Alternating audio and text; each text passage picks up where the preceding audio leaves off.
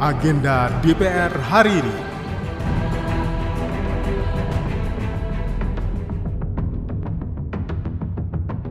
Halo, apa kabar? Saya Tiara Mustika kembali mengajak Anda mencermati agenda kerja Wakil Rakyat hari ini, Selasa, 3 Januari 2023.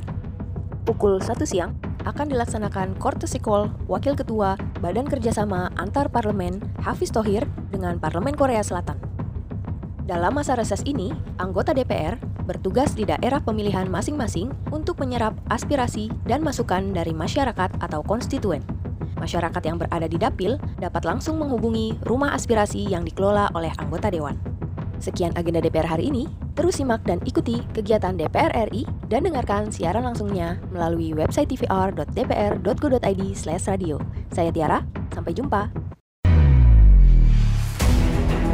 Agenda DPR hari ini.